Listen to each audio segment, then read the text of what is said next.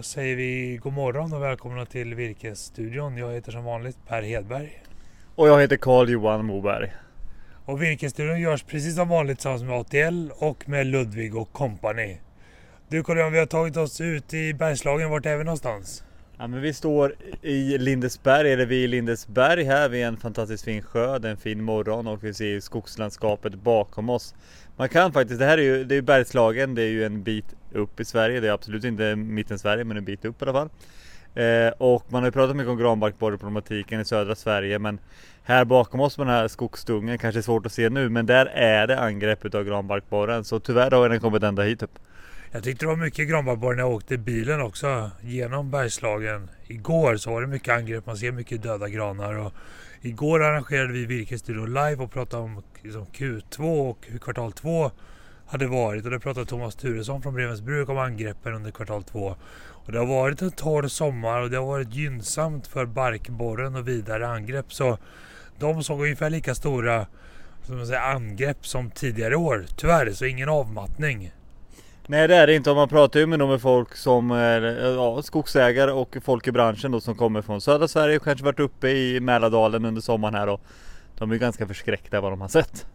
Så ta det på allvar, ut och se till och se till att göra affär också på det här. För det skiljer sig ganska mycket vad de olika aktörerna betalar då för Dels för, för, för brännved skiljer sig jättemycket och där finns affärer att göra.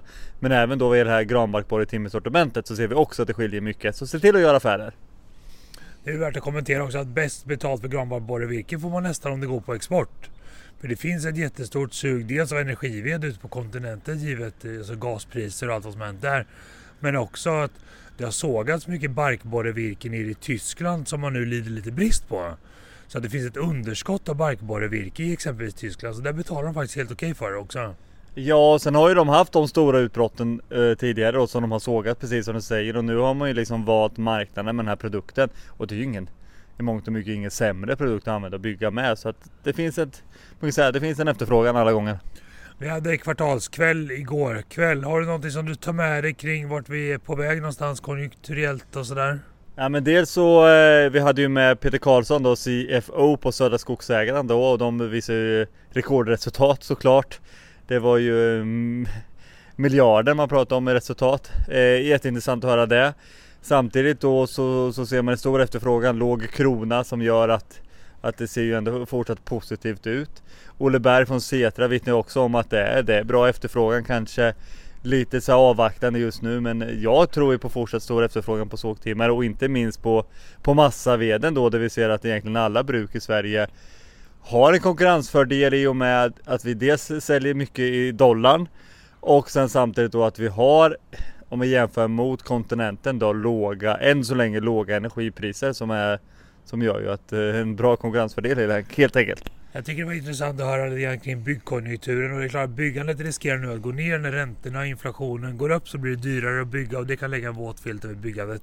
Samtidigt har vi också utbudsproblem där Ryssland är en stor ska säga, leverantör av sågade trävaror och de volymerna blir vi av med. Så vi tror, det lät ändå som att de som talade igår tror ändå på en hyfsat balanserad marknad för sågtimret framgent. Och jag tror också att vi kommer röra oss liksom på ganska stabila virkespriser för sågtimret framåt också. Varken liksom någon krasch eller någon djupare nedgång men kanske inte heller att det fortsätter gå upp i samma utsträckning som det har gjort tidigare. Så på så sätt ett hyfsat bra tillfälle ändå att eh, kanske göra en avverkning och få riktigt bra betalt för sitt virke. Och det finns många som betalar riktigt bra. Betalningsförmågan skiljer sig mycket mellan olika sågverk ska man säga också. Det beror helt på vilken marknad de riktar sig mot. Om det är hemmafixarmarknad eller byggmarknad och vilka geografiska marknader man riktar sig mot. Så att England gick ju till exempel fortfarande väldigt bra medan Tyskland vek av mera enligt Olle Berg då på Setra. Och sen var det ju så, vi hade ju med Christian Kopfer som är analytiker, råvaruanalytiker på Handelsbanken. Och det är klart, det är ju ingen jättemunter bild om man tittar på då hur, vad man spår då med, med, med energipriserna nu i vinter. Eh, gaspriserna i, eh, i Tyskland skenar nästintill. Vi hade jättehögt elpris igår i Sverige så att det här är någonting som man verkligen måste bejaka och, och det är klart sitter man eh, som industri i Sverige idag och har ett avtal på fast elpris som måste omförhandla i höst. Det kan ju påverka industrin ganska hårt det också.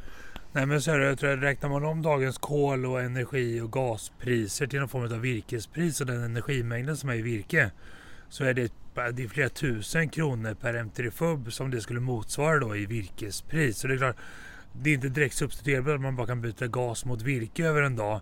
Men det säger någonting om energisektorns betalningsförmåga för råvaror för att producera både el och värme. Och jag tror att, precis som Christian var inne på igår, att det kommer bli mörkt och kallt och dyrt i Europa i vinter. Så att det kommer att hålla uppe virkespriserna, framförallt massavedspriserna. Till viss del kanske också klenare sortiment och sågtimmer då. Så det, ja, så ser det ut. Ja men det är intressant att kolla på för är man i södra Sverige så ligger ju brännvedspriset på ungefär runt 200 kronor per MTFUB och du pratar där att om man skulle räkna om det lite så är det ju tusentals kronor. Ja. Och det bör man ju ha med sig då som skogsägare. Det kanske till och med är så att har du brännved och det är ingen risk här så det är ju redan kanske då torkat efter granbarkborrehärjningar och sådana saker. Har man råd så kanske man ska bygga lite lager.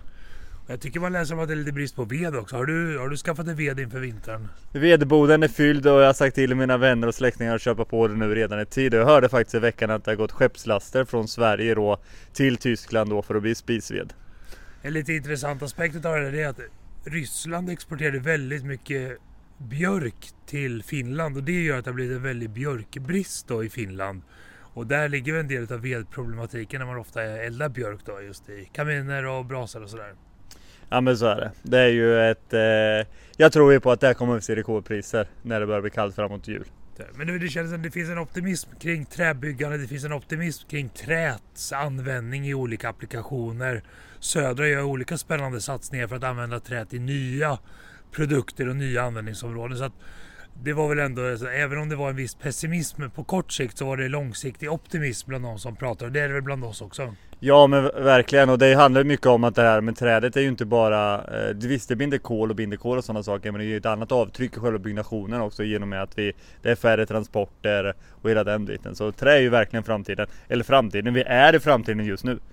Du, Ludvig släppte sin skogsmarksrapport men den är inte släppt när vi spelar in det här. Törs du spekulera lite grann i vart den är på väg någonstans?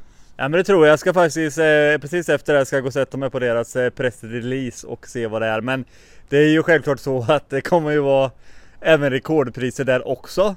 Man presenterar det här då. Eh, det är ju en stort, stort intresse att köpa skog över hela landet. Och det är ju eh, under året, eller de senaste åren har kommit in kapitalstarka personer och, eh, och fonder som vill köpa skog i Sverige. Och det här gör ju då att prisnivån har ju stigit och det är klart, pratar man lokalt så kan det ju verkligen vara rekordpriser. Det här har ju också fått med sig då att eh, i vissa bygder där det kanske funnits en eller två stora starka markägare innan då som egentligen har köpt de här markerna som har varit ute. ute. Eh, de har ju helt plötsligt fått konkurrens och driver på kanske prisnivån lite till på det hela. Men det här är ju inga fantasisummor på något sätt och vis. Det här är ju de som sitter och räknar på skogen och eh, priset är ju marknadspris. Vi kan bara avslutningsvis säga att det är turbulenta tider, det är osäkert på energimarknaderna, virkespriserna är också, de skiljer sig mycket åt så att står du inför en gallring eller en slutavverkning, kolla alltid med oss på virkesbörsen innan du gör en affär. Och se till att konkurrensutsätta nu till alla potentiella köpare så att du säkerställer att du får rätt betalt för virket. Och du når oss på info.virkesborsen.se eller på 08 33 99 44 om du har några frågor och funderingar kring dina avverkningar och gallringar. Och läs tidningen ATL om du vill uppdatera vad som händer både vad gäller lantbrukssektorn och skogsbrukssektorn. Och behöver du hjälp med att kanske sälja en skog eller köpa skog eller deklaration om bitarna så hör av dig till Ludvig och kompani. Stort tack för idag! Tack!